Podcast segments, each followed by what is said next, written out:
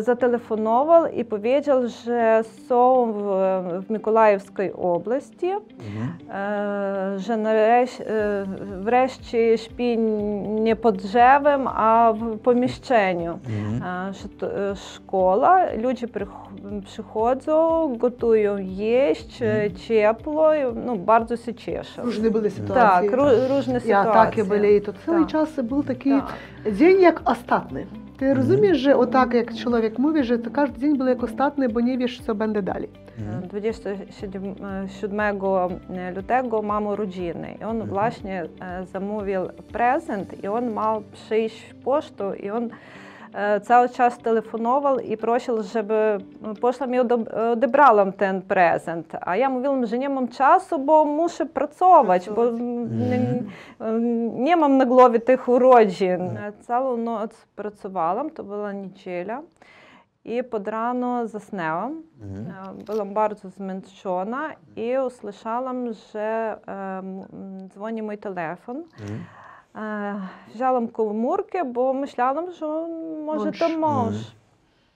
Ale zobaczyłam, że e, dzwoni e, Prezydent pre, miasta. prezydent miasta. To było właśnie bardzo dziwnie. Spytał, czy jestem w domu. E, Ja e, spojrzałam w okno i zobaczyłam, że on stoi e, Na dworze. tak, przed bramą i stoi z nim em, Ksiądz. Ksiądz, mhm. tak, ksiądz i e, dwoje wojskowych. Mhm. Właśnie e, no, wtedy moment ja już wszystko zrozumiałam. Mąż pani Oksany, on był w wojskach mhm. desantnych.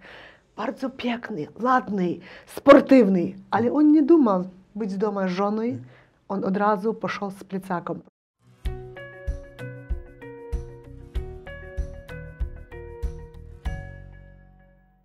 Dzień dobry. Dzisiaj są ze mną wyjątkowi goście. Oksana Dudar. Dzień dobry. Oksana była redaktorem naczelnym portalu Devis Info. Jest z Lwowa i jestem niezmiernie wdzięczny, że zgodziła się przybyć dzisiaj do naszego studia. Oraz Irina Kijanka. Dzień dobry, witam. Irina jest profesorem Uniwersytetu Narodowego imienia Iwana Franko w Lwowie. Jest osobą niezwykle zaangażowaną społecznie. E, Gdzieś płynie w niej również trochę polskiej krwi. E, Ukraińska najważniejsza, ale mam troszeczkę światową krew. ale tam ciuteczka polskiej też jest. E, I e, bardzo, bardzo Wam dziękuję, że znalazłyście czas, żeby w tym wyjątkowym, szczególnym dniu spotkać się tutaj z nami. E, Chciałbym zacząć od e, wspomnień dokładnie sprzed roku. E, Rok temu Putin napadł na Ukrainę, rok temu rozpoczęła się wojna, e, która i w Waszych, i w naszych sercach bardzo mocno tkwi. Em, Jaki to był dzień dla Was i co się wtedy tego dnia wydarzyło, Irina?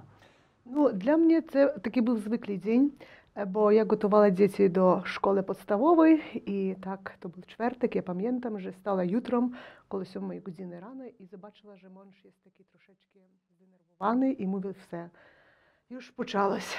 І я зрозуміла, що є дуже важна ситуація, бо побачила такі дими, клоки диму, і Київ, Чернігов, Харків, я зрозуміла, що Coś не те. І я mówię, то ц- будуть діти, пора йти до школи. Яка школа? Іренко, зобач, що се. Я побачила з окна дуже людей, стояли в колейках за хлібом, за водою. Я зрозуміла, що непроста ситуація. І таки щось учула трем, що ти так, ну, ну, не щось то, як звикли, і діти ще спали, коли стали, мама, ми йдемо до школи. Я mówię, ні, яка школа, діти, десь będziemy вдома. І коли побачила алярм, то я зрозуміла, що już пора йти do schronu, bo wszystko może być i wszyscy byli zdenerwowani. I ten dzień, taki, e, ten czas był dla mnie jakiś taki metr, jak można mówić, taka tysza, ale taka duże, nie wiesz, co ta tysza znaczy dla ciebie. Mhm. I ja dużo przeżywała za dzieci, bo oni byli takie zaskoczeni, bo ja taka temperamentna żywa, mhm. a w ten Macie moment... dwie córeczki, tak? Tak, tak. I ja w ten czas rozumiała, że dzieci jest takie Мой, мой стан, мой емоціональний стан, wszystko przydaje się na dzieci. I one tak, ja крик, я крик, я мам плач, і вони одразу то одні. Я зрозуміла, що я щось зле роблю, бо одразу діти є такі занервовані, як я. І ten день для мене був такий kolejny. Я е, мала kolejку за хлібом, за продуктами. Я wszystko, co zobaczyła, to wszystko brała. Choć w chacie wszystko mali my i jedzenie było, wszystko było, ale така щось на такому, ну, в голові ти розуміла, що мусиш щось принести до хати, так для мене було Trzeba nagromadzić так, na так, і то, то не, не нормальний стан для чоловіка, але як ціла колійка за водою. Ага, є потреба за банкомат за е, pieniądzами, Мгм. є потреба за їдzeniem. І то wszystko до хати, і я була така некерована. Ото для, для мене є дуже таке дивно для мене, бо я цілий час так мам логістику, це вам зробить, е, який є план, але в той час я була некерована. krzyk, alarm, dzieci, parking, e, proszę przygotować walizę, już jedziemy, kuda jedziemy, co robimy. To taka mm, panika była wszystkich rodzinach. Zaraz przejdziemy do mm, e, dalszych wydarzeń. Oksana, a ty ten dzień jak zapamiętałaś? No właśnie, chyba e, u mnie było wszystko odwrotnie. O ile już przychodziłam przez coś podobne w 2014 roku, mhm. Wtedy mój mąż e, służył na Donbasie. Mhm. Mąż, który był dziennikarzem, tak. prawnikiem. Tak, tak, tak. I jak rozumiem, w 2014 roku trafił do wojska w Donbasie. E, tak, tak? E, zgłosił się i właśnie tak, służył w, w siłach desantowych. Mhm. 14-15 rok to był Lugansk. Mhm. I e, власне е, належав до резерву. Mhm. И он видел, что если зачнется война, то он ма забрать свой плецак и идти до е, своєї військової jednostki. Е, Plecak był zebrany jeszcze gdzieś za 10 dni do inwazji wojskowej. Е, І власне е, 24 lutego e, stałam pierwsza, gdzieś e, była godzina piąta, przez, m, przed piątą e, włączyłam telewizor i zobaczyłam, że z- zaczęło się. E, Rosyjskie samoloty e, byli już nad Kijowem. Wsz- e, wszystkich budzić e, w domu. E, Moja córka jest też dziennikarką. Właśnie ona e, prawie całą noc e, sprawdzała informacje. I okazało się, że nie dosiedziała pół godziny do tego momentu, jak zaczęła się zaczęła wojna. się inwazja. Tak, tak, Mhm. tak. I już znaliśmy, co mamy robić. E, e, Mąż e, e, w- wziął e, plecak, e, stał telefonować do swoich kolegów, jakie też e, byli rezerwistami. Mhm. E, Jeden z kolegów przyszedł do nas e, do domu i my wszyscy razem pojechaliśmy e, w Lwów. E, Do Lwowa tak. z żołkwi, w której mieszkaliście, tak. czyli 30 km niecałe tak, od Lwowa. Tak, tak, tak. tak. Pojechaliśmy mhm. do Lwowa, e, mąż od razu do swojej e, jednostki wojskowej. E, I okazało się drogą, że zapomniał pewne rzeczy. Mhm. Tak. Е, Мгм. З- Так. Е, To był zegarek, który e, dostał ode mnie na urodziny w 2014 roku. Mhm. А, я не, не могла знайти медальйон е, з святим Шербелем, який давала йому в теж в 2014 року, і powiedziałam, що masz go mi zwrócić. I kiedy wrócił w 15, to oddał mi tego medaliona. Mhm. А, а, а, я gdzie jest той. Mhm.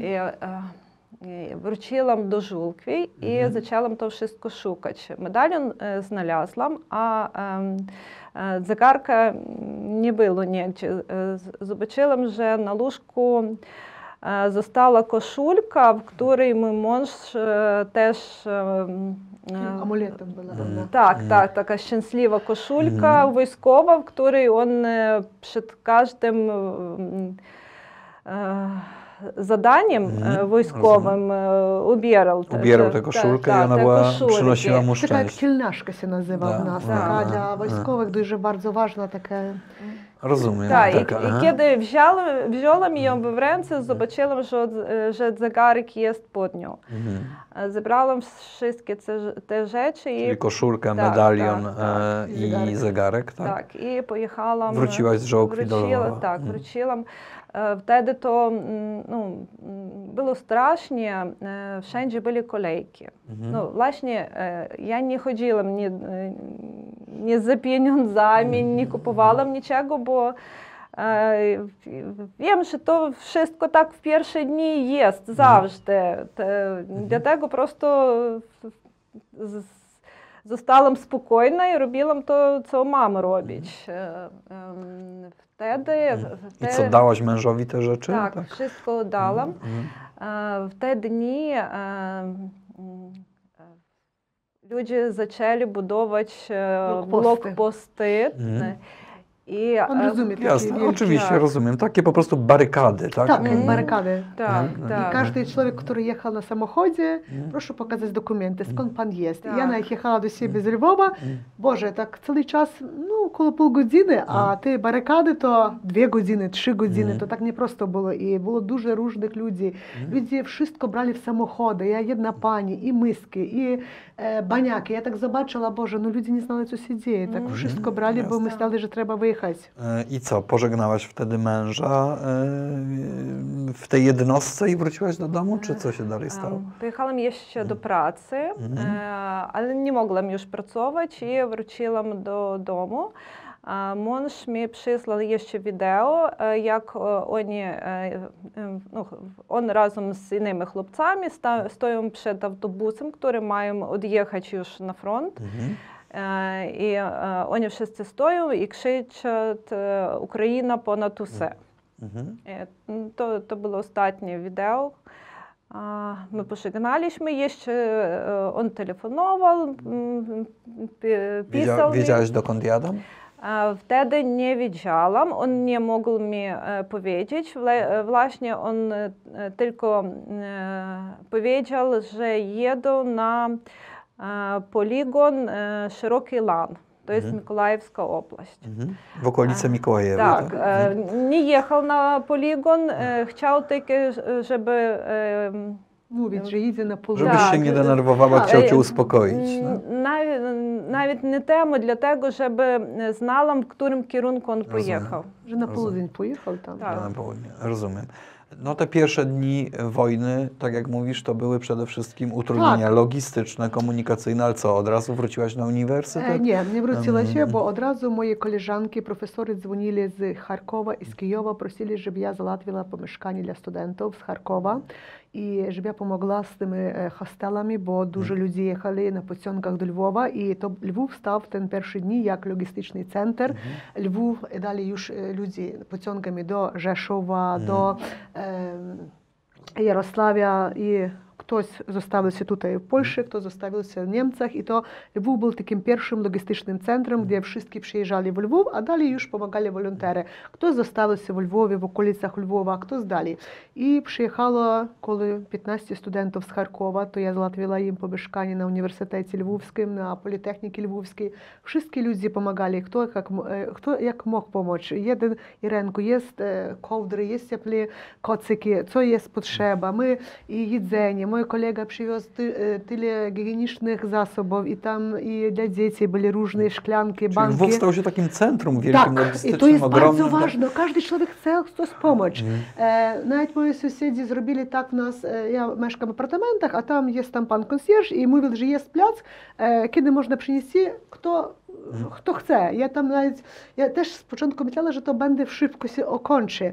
Ja od razu wszystkie ręczniki, e, swoje ciepłe swetryki dla dzieci, to wszystko poniosłam wniz, żeby to przydać dla tych ludzi, bo przyjeżdżali ludzie w takich prostych e, tak. butykach. To, co mieli, wzięli A to było tak. zimnutko, też koniec mm. E, e, lutego, to nie no, tak no. cieplutko już przyjechali w takich... Mm ciepłych, nawet nie ciepłych rzeczach, a takich prostych mm. kurteczkach i ci dzieci takie małe to my wszystko przynieśli na logistyczny center, który był na Kopernika, coś na wokzal wieźli, coś od razu dla tych studentów. Z Kijowa pani Rzewska podzwoniła i prosiła pomocy, bo jechali dużo studentów już, ktoś do matki do Francji, ktoś dla, do swojej rodziny w Austrii, ale wszystkie z początku na dzień, dwa w Lwów, a dalej jechali i prosili. Ile Lwów wtedy liczył ludzi? Ile. Oj, ja myślę, że na pierwszy dzień około 100 tysięcy ludzi może było. No tak, nieprawdziwa nie, nie może informacja, ale dużo ludzi. To było ciężko policzyć, bo хтось приїжджав, одразу їхав на поцьонком, хтось е, е, до родини, хтось шукав студентів дуже, дуже. І так приїжджали е, кожен чоловік. Я тільки на 20 дня. І так один, два, е, один дві, два тижні, а потім не було міста. І już я мовила, що нема teraz, де можна поселити студентів. Прошу, już так. Wszystko było zajęto e, ludźmi od Charkowa, od Kijowa. I to była problema, bo... Po prostu zapełniło się miejsce, tak, już więcej nie tak, można było nic... Tak, tak, tak. tak, tak wszystko tak, jest, tak. ma swoją I jakby liczebność wtedy, i wytrzymałość. I wtedy poczęli robić takie pomieszkania w szkołach, e, w aktowych zalach, e, mm. takich na stadionach wielkich, robić takie łóżka, takie rozkładaczki, jak to mówić, żeby prosto, hmm. bo już nie było tak, żeby człowiek szedł w apartamenty mm. czy w hostel. To wszystko było zajęte. Oksana, te twoje pierwsze dni? Mąż pojechał. Przesłał tak. tobie ostatnie wideo, ty zostałaś sama z córką, tak, żokwi tak, i co się mm, dalej Zostaliśmy dzieje? sami. E, córka e, została w redakcji. E, mhm. Tam u nas taki był fajny ofis. Centrum Lwowa. Tak. tak, tam, tam była kanapa, prysznicy. Mhm. Ona została tam, a ja wzięłam nocne zmiany mhm. i my cały czas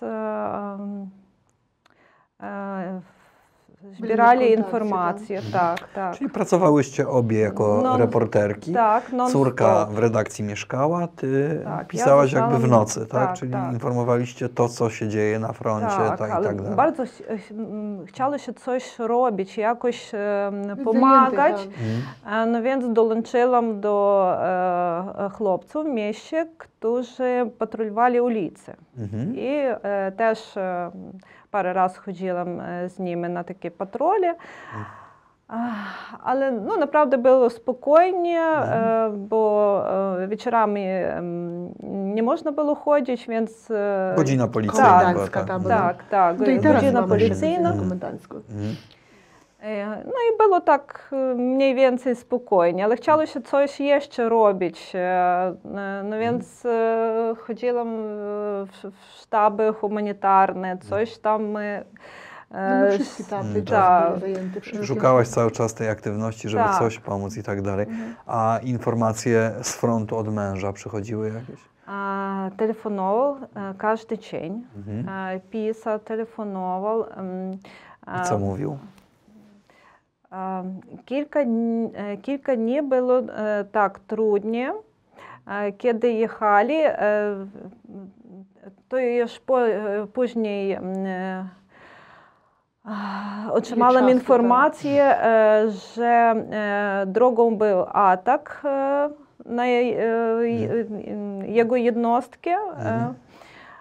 A potem e, zatelefonował i powiedział, że są w, w Mikołajewskiej oblasti, Mhm. e, że nareś, e, wreszcie śpi nie pod drzewem, a w pomieszczeniu. Mhm. E, Że to e,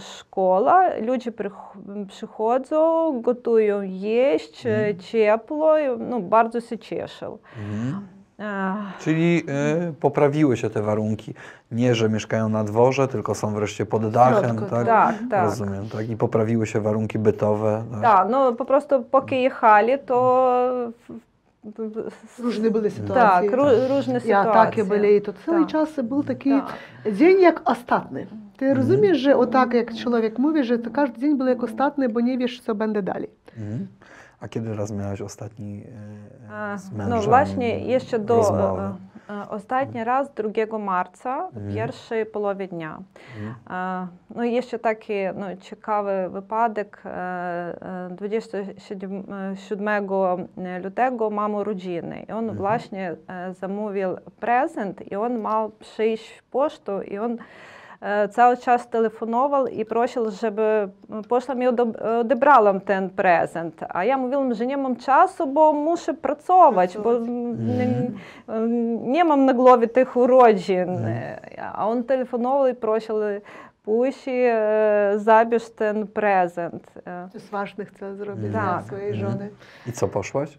Tak, I co to było? książki. Mhm. Książki. Książki. E, I to był 27 lutego. Nie, no później tak? poszłaś. No, później poszłaś e, tak, tak. Tak, a 2 marca jak wyglądał ten dzień? E, a no, no był zwyczajny mhm. dzień. A w, w, w, pierwszej połowie dnia on zatelefonował, my rozmawiali e, długo, a, ale tego dnia e, e on mi powiedział, żebym e, mm, powiedział, gdzie jest jego Е, Страховка е, insurance card, е, ну, як то мовить, е, теж insurance card, е, страховка життя, е, карта життя таке. Rozumiem, так. no, rozumiem, e, Tak. już wiem. e, А, і bardzo mnie to zdenerwowało і powiedziałam, no nie, nie mów głupstw, mhm. nie chcę o tym, o tym Mhm. rozmawiać. Mhm. І, м, була така звичайна розмова, там, mówiliśmy там Ну, córce, Ага. так. Ні, нічого такого. Mhm. Nie, a później już nie było e, ż- żadnych, żadnych e, telefonów. E, Właśnie w Kijowie mam koleżankę, jej męż też e, poszedł wojować. I e, ona też nie miała e, związku z nim. I my cały czas e, rozmawiali o tym. E, Mhm. Nie miała też kontaktu. Так, так, Mhm. так. Mhm. Е, Вона телефонувала, плакала, я е, усп- успокояла. Mhm. І ми так собі мислили, е, що там Не так просто. то, щось точи się буде. wojna i właśnie mm, nie ma możliwości zatelефонувати, nie ma prądu Mhm. i e, jakoś my tak e, Давали раду собі. Да, давали собі ради, аби przeżyć e, te kilka dni. Солідарність була Так. е, колежанок. Mhm. No i co dalej się dzieje? І е, 6 марта е, цілу ніч працювала, то була неділя, і під рано заснула. Mhm. Е, Була дуже змęczona і услышала, що е, дзвонить мій телефон. Mhm. Е, Взяла комórkę, бо myślałam, що може то муж. Мгм. Але побачила, що е, дзвонить е, м, Президент пре- міста. президент міста. Żółkwi. Żółkwi, Так, то, то було власне дуже дивні. Мгм. Спитав, чи єстем вдома. Е, Я е, спojrzałam в окно і побачила, що він стоїть е, dworze. та, przed bramą і стоїть з ним е, Ksiądz. ksiądz, Mhm. так, księdz і е, двоє військових. Власне, ну, в той момент я już wszystko зрозуміла. Dlaczego przyszli ci Так, ludzie? так. Ах, Мгм. Пошлам, відкрила їм, так, вони зайшли до, е, додому і повчали, що мій муж е, згинув. Ну, у нас є така опція, коли десь стає так, то стараємося два військових, комісар, або там, хто є е, зараз на Мгм. службі, беруть пана Ксьонза і Капелана. капелана, Так, та. ну капелан. капелан то як нас, який Мгм. працює з вояками, і чи пан е, президент міста, чи застемця міста, і стараються так прийти до родини, мовити не дуже таку теплу вість, і стараємося, щоб то так Przekazać jakoś так, godnie. так, і щоб так була така підтримка, Ага. щоб о, ну, чоловік чув, Coś się dzieje, tak? No ale mhm. to z początku człowiek nie rozumie, dlaczego ci ludzie przyszli, tak? I ja rozumiem, co oni chcą skazać. Mhm. I dla Oksany to była taka dziwna nowość. Ale... Irina, ty, ty y, jesteś osobą bardzo aktywną taką społecznie i y, po prostu pracujesz z kobietami, których mężowie, dzieci zginęły, starasz się im jakoś pomagać, starasz się im wspierać. I to jest, e, to Ci zajmuje bardzo dużo czasu i bardzo zajmuje dużo czasu energii. i Pan Marcin, chcę powiedzieć, że czas od czasu rozumiem, że to dużo energetyczno mm. Ти мусиш чимось то для себе робити, бо час від часу, от ми коли їхали з кобітами сюди, і я слухала, як одна матка розповідає о сині своїм зазов другу, то я мисляла, о Боже, ну, ти то все wszystko стараєшся то для себе, як через своє серце то сприймати. Я не мам сина, але це дуже тяжко. І хочу сказати, що для мене є важливо, бо наша організація, якою я займую, і Генерація Плюс, вона є така давна організація, бо ми працюємо з кобітами, зі студентами. Ну, робили різні warsztaty для у- по Унії Європейській, для права чоловіка.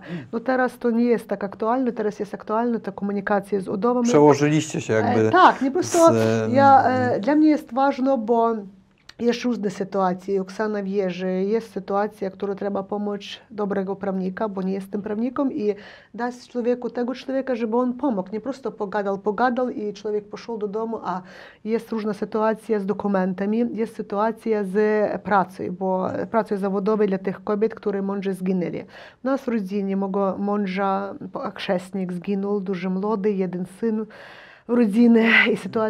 ciężka, bo mama jest kaleka od e, rodzenia syna i ojciec się zostawił i ojciec teraz jest na wojnie i zostawił to nasz chrzestnik dwoje dzieci, chłopczyku 5 lat, dziewczynce 3.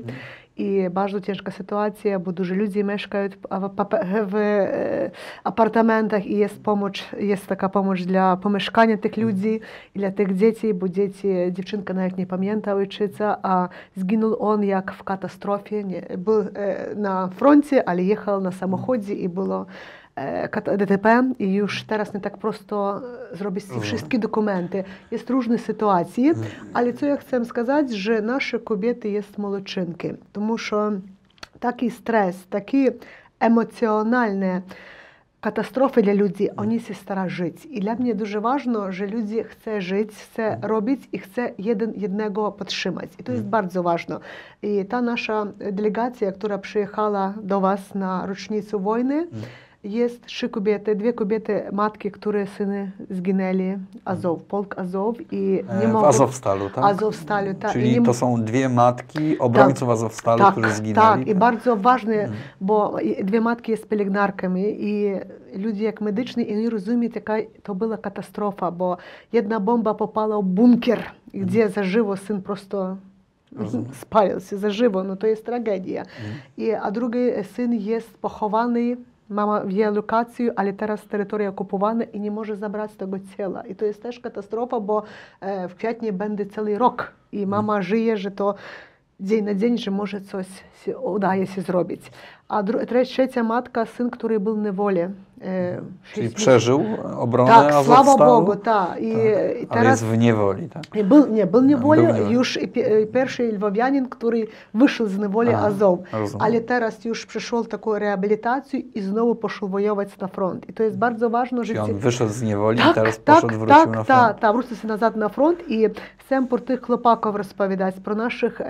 bogatyrów, że to każdy ma swoją misję i nawet te chłopaki z Azowie bardzo oswiadczona edukacja. Każdy ukończył uniwersytet i ma dobrą edukację. Pracował na dobrych e, stanowiskach. tak, ale coś, swoja misja, swoje marzenie, on oddał życie za Ukrainę.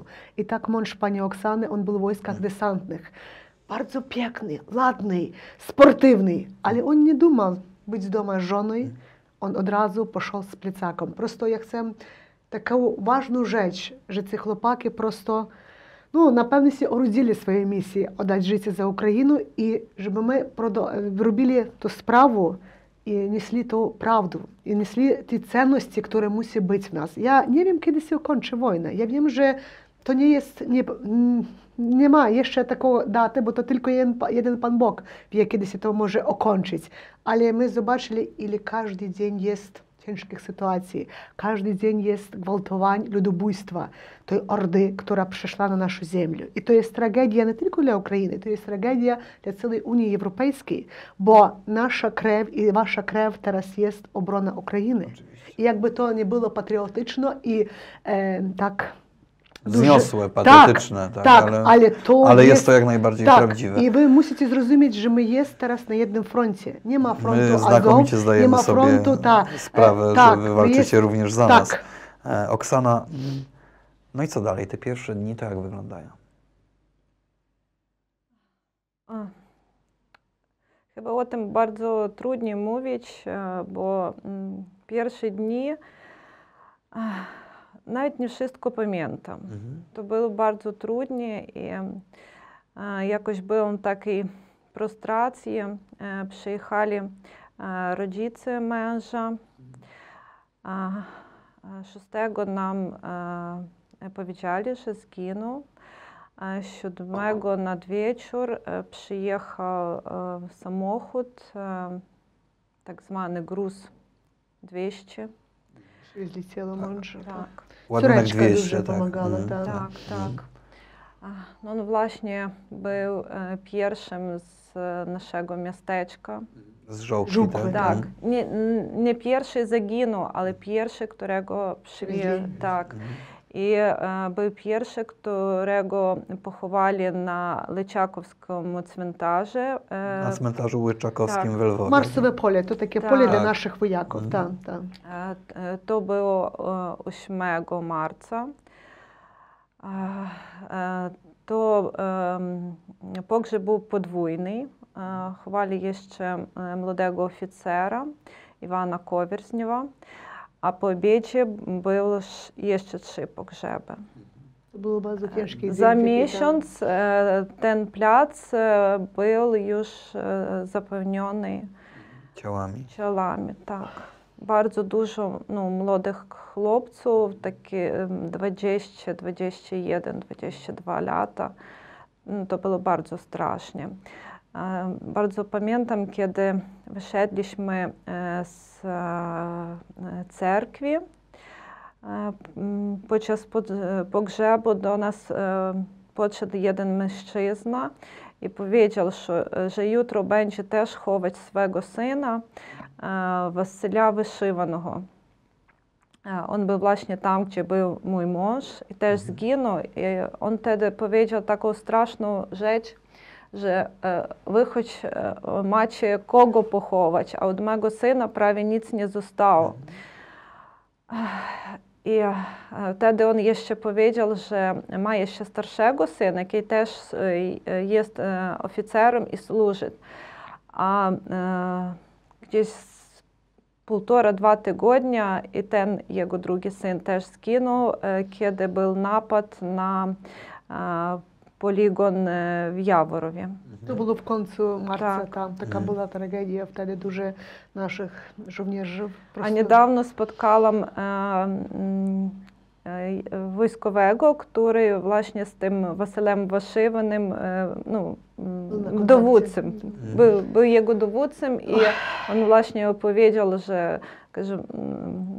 podczas e, eksplozji e, no, od niego prosto nic nie zostało. Nie mhm. mogliśmy nic znaleźć, aby oddać e, rodzicom. Tak. Jak, jak ty z tymi ludźmi rozmawiasz? W jaki sposób? W jaki e... sposób? Co im mówisz po prostu? E, no prawdę pan mówi, co mo, można mówić, kiedy niczego nie można Codziennie mówić. masz taką, E, taką nie, nie sytuację? codziennie, bo to straszne. Jakby to codziennie, to można zwariować. Ale my mamy spotkanie z tymi kobietami i ja zobaczyła, że przychodzi kobiety z dziećmi. I to jest bardzo ważne, że dzieci, o, małe dzieci, oni tak chcą tego dzie, dzieciństwa i chcą tego, tej gry. No Mhm. a gra, Pan wie, że to taka pozytywna gra. I oni przychodzi na te spotkania. My, Pani Oksana była na jednych z tych spotkań nas w Lwowie Muzeum Historii. My staramy się для дітей робити якісь майстер-класи, арт-терапію. Зараз стараємося робити проєкт для такої соціальної реабілітації, психологічної реабілітації, але не кожна кобіта хоче того психолога, бо іноді психолог не може сам ради собі дати для себе, бо, Мгм. слу... Mhm. та, бо слухати такі історії, он не має такого досвідчення, бо то є не просто постстресовий стан, то є пост стан е, війни, навіть не просто пост війни, а стан війни. І коли ти розумієш що це досвідчення, ти мусиш кожен раз ра- різні пазли складати. І це є дуже важливо. Е, Кожна кобіта є сильна, і дуже важливо, щоб та кобіта ту силу свою дала в роботу, бо то є дуже важливо. Pracę Бо kobieta żeby- сі, та, е, в працю, в працю заводову, але дуже важливо, щоб та е, чоловік сі не замикав собі, бо то є страшно. Дуже людей є стресу, в депресії, і кожен чоловік виходить з того стресу по-різному. Хтось іде в алкоголь, хтось іде е, в працю заводову, хтось іде в таку самотність. І для мене є важливо, щоб ці люди комунікували між собою. różni ludzie, różny, e, różny wiek, różny status, różna praca zawodowa. Ale żeby była ta komunikacja, Absolutnie rozmowa. to jest bardzo ważne, bo rozmowa daje możliwość tych ludzi odczuć, że jest jedna rodzina.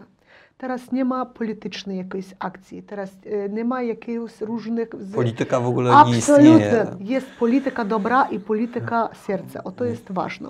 Ja nie chcę, żeby polityki e, robili sobie bonusy na tej mm. tragedii. Bo każdy myśli, że będą wybory. Nie będą teraz wybory. Wybór jest wojna. I wojna jest ciężka, długa, emocjonalna. Dla tych kobiet jest ważne nie prosto dać pieniądze od stanowiska, bo e, от навіть є różne sytuacje, że nie możesz tych pieniędzy utrzymać, bo nie ma ciała, nie ma zachronienia, nie ma e, wszystkich tych, e, e, jak na jakiej podstawie zrobić to.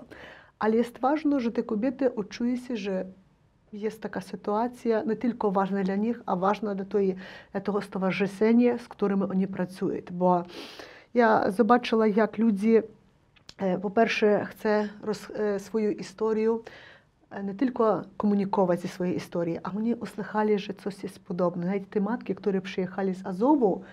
oni cały czas różne detale wyszuka, różne zdjęcia, a on tam jest tam, a jeszcze, od, je, jeszcze taka detal, on teraz jest w szapce, on jest teraz, e, jaki chleb, jakie jedzenie. Ja zobaczyła, jak ważne detale usłyszeć. Szczegóły, tak. Aż absolutnie. Dla nich to jest ważne odczuć, że to jest taka wspólna nasza bolь. Rozumiem. Czyli ta wzajemne wsparcie Tak. poprzez te podobne doświadczenia. Oksana, e, jak ty poukładałaś sobie życie przez ten ostatnie 12-10 miesięcy? E, trudnie było, zwłaszcza, e, że e, niemożliwe coś planować. No, wcale nic nie wychodzi. Wróciłaś I, do pracy? Wró wróciłam, ale było trudnie i mm, nieciekawie mnie było pracować. Nie chciałam już tego robić. E, Wszystko to mi się wydawało mało ważnym. E, Chciałam robić coś innego. E, I mm, no, pierwsze moje takie, takie trudne doświadczenie było, kiedy zdecydowałam pojechać O, Kamenko. do Oczakowa. Mhm. E, Wieźliśmy e, różne rzeczy dla wojskowych. Do Oczakowa z pomocą, tak? Żeby pomóc po Pomocą. prostu, tak? Tak, tak. E, I nie, wiedziałam, jaka będzie ta droga, jak będziemy jechać.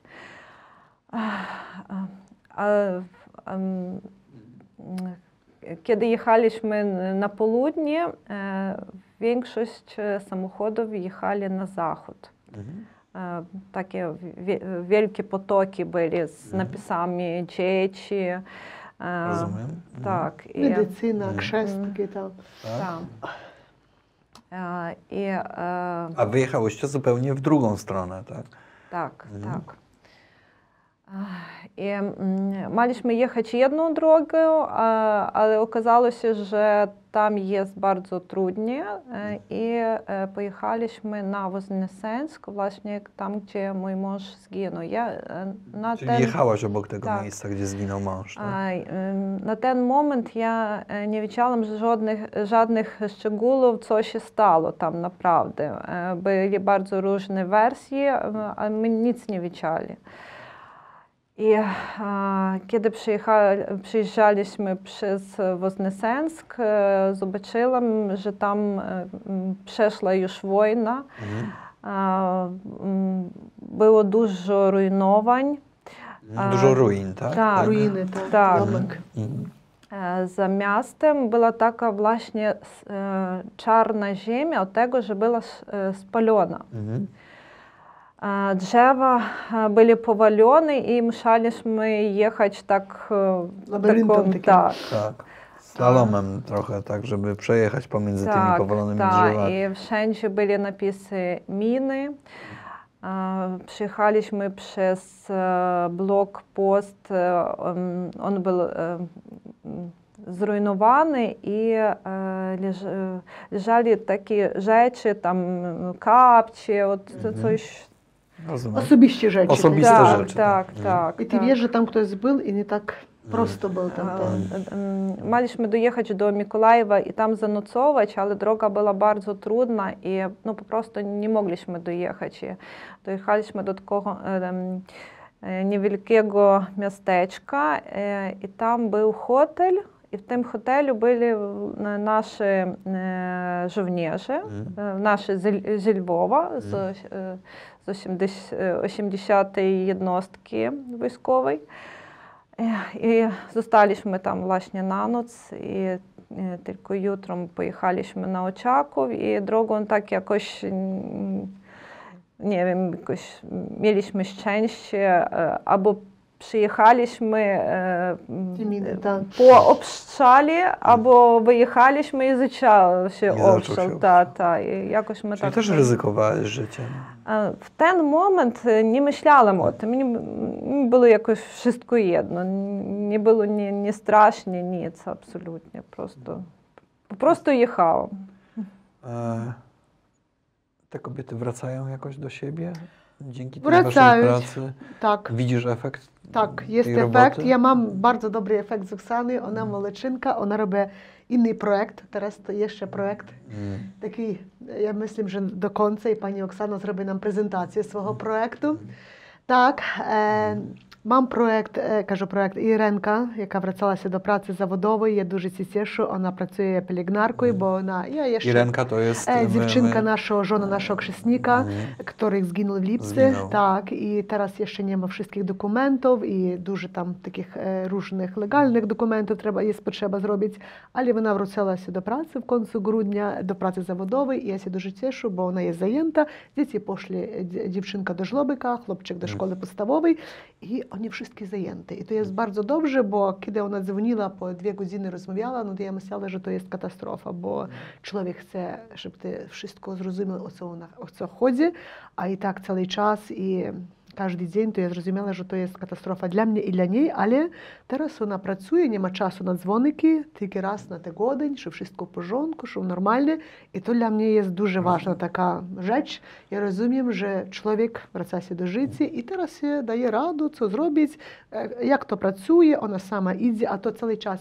Proszę zadzwonić do tej kompanii, żeby pomogli z takim dokumentem. Proszę tam. I to ja wszystko musiała dzwonić, adaptować, a teraz ona sama ma telefony i tak wszystko daje sobie radę. I to jest bardzo ważne, czy człowiek zna, co się dzieje z nim. Mhm. Oksana, jak ty sobie wyobrażasz przyszłość? O tym też jest e, na razie bardzo trudno mówić, bo Możemy powiedzieć, że napisałaś książkę. Nie wiemy, czy ona wyjdzie, czy nie wyjdzie, Wyjdzie, wyjdzie. ale napisałaś. E, no jeszcze nie dokończyłam. e, Pracuję już z, e, piszę ostatnie sceny. Możliwe wyjdzie, zobaczę, bo dla początku to e, zaczęłam pisać właśnie jak e, to była dla mnie jak terapia.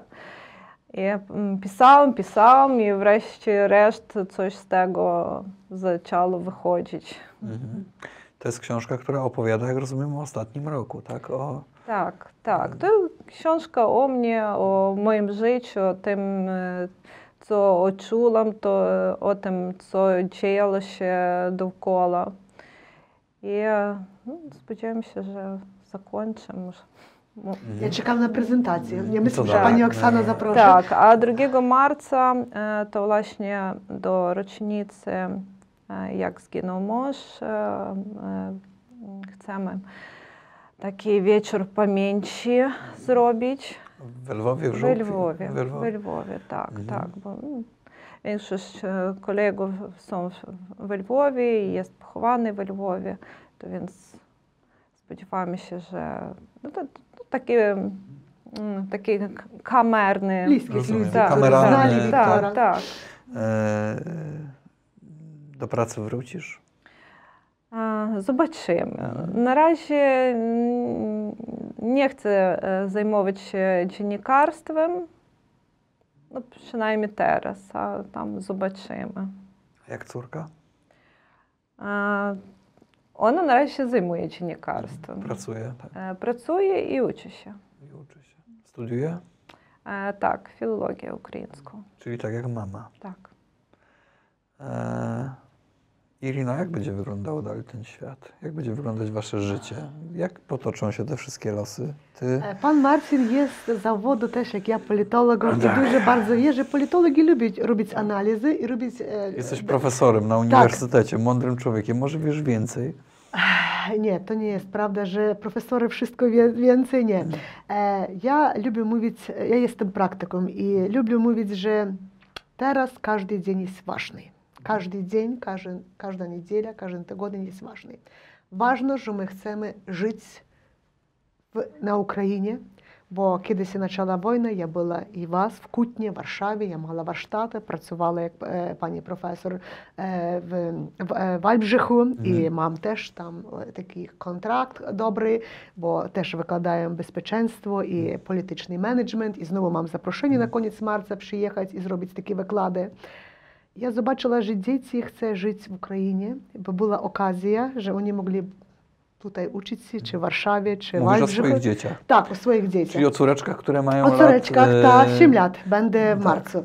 Ale oni сказали, mamo, my chcemy wracać się do Lwowa, my chcemy być w Lwowie, my chcemy być z ojcem i my chcemy uczyć się w ukraińskiej szkole. I dla mnie to był ważny marker, że ja можу przyjechać do was i tysiąc kilometrów z dziećmi, bo to nie jest taka lekka praca, jechać tysiąc kilometrów w jedną stronę, через tygodnie w drugą stronę, to cały czas różne okazje jest.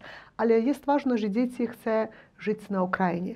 I to jest dla mnie marker, że oni знають, że będzie nasza Ukraina i oni będą pracować i to jest bardzo dobra logistyka dla nich, żeby oni zobaczyli, jaka to jest ciężka praca naszych ludzi, i волонтерів, і тих удов, і як то треба, вони учують, як то треба працювати над собою. I to jest bardzo ważne, bo nasze dzieci, ja jestem zapewniona, że to jest inni dzieci, że to ludzie, które bud- będą pracować w rządach, pracować w dyplomatycznych misjach, pracować z pielęgniarkami, ale oni w pierwszą czergu to będzie Ukraina. Jak mówiła pani Oksana, Україна понад усе.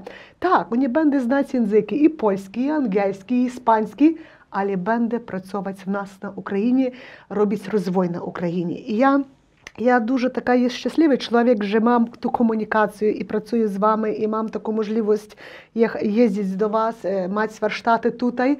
І я jestem запевнена, що прийде час, і ви приїдете до нас, і нас буде сильне військо, wojsko najsilniejsze w wschodniej Europie.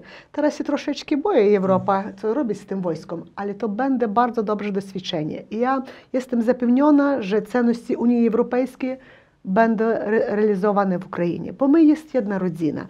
E, Chcę tam e, ludzi, którzy pracują na różne uстанови Rosji. Nie chcę tego, ale my jest jedna rodzina. My jest i będę, jest i będziemy Unii Europejskiej.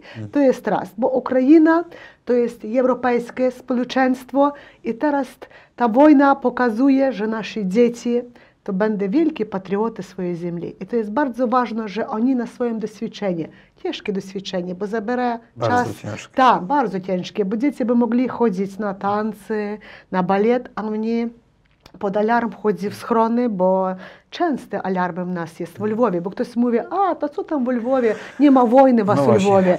Tak, jest wojna, wojna jest na całej Ukrainie i nie ma bezpiecznego miasta, czy Lwów to Żółkwa, czy to jest Ternopol, Ivano-Frankowsk. Wojna jest na całej Ukrainie i każdy dzień wolontery z Lwowa robić pakowanie na wschód, inni wolontery przywozią samochody i każdy robi swoją misję. Uprzedziłaś trochę moje pytanie. Jak Tak. wygląda dzisiaj życie w Lwowie? E, Oksana, ty mieszkasz w Żołkwi czy w Lwowie w tej chwili? Ну, tak, trochę, trochę tu, tam, trochę, trochę tu. Tak. tak. E, jaka, jak wygląda Wasza codzienność dzisiaj?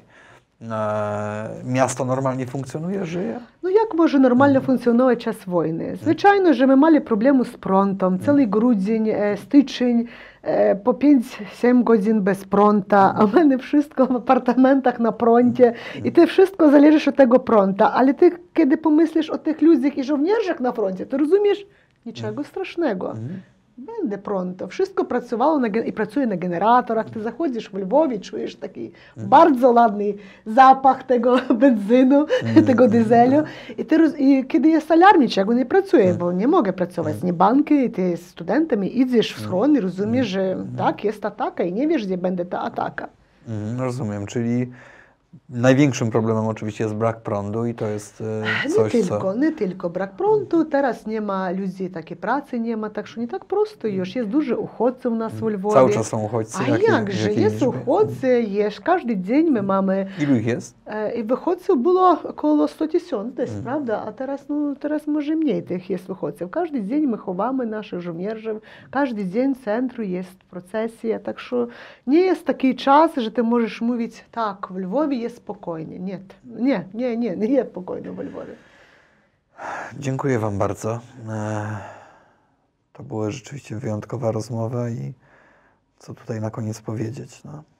Trzymajcie się, wszystkiego dobrego. Sława Ukrainie! Herojem sława! Dziękuję bardzo. Dziękujemy.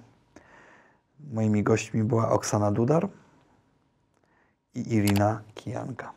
Dziękujemy bardzo. І до widzenia. Дякуємо.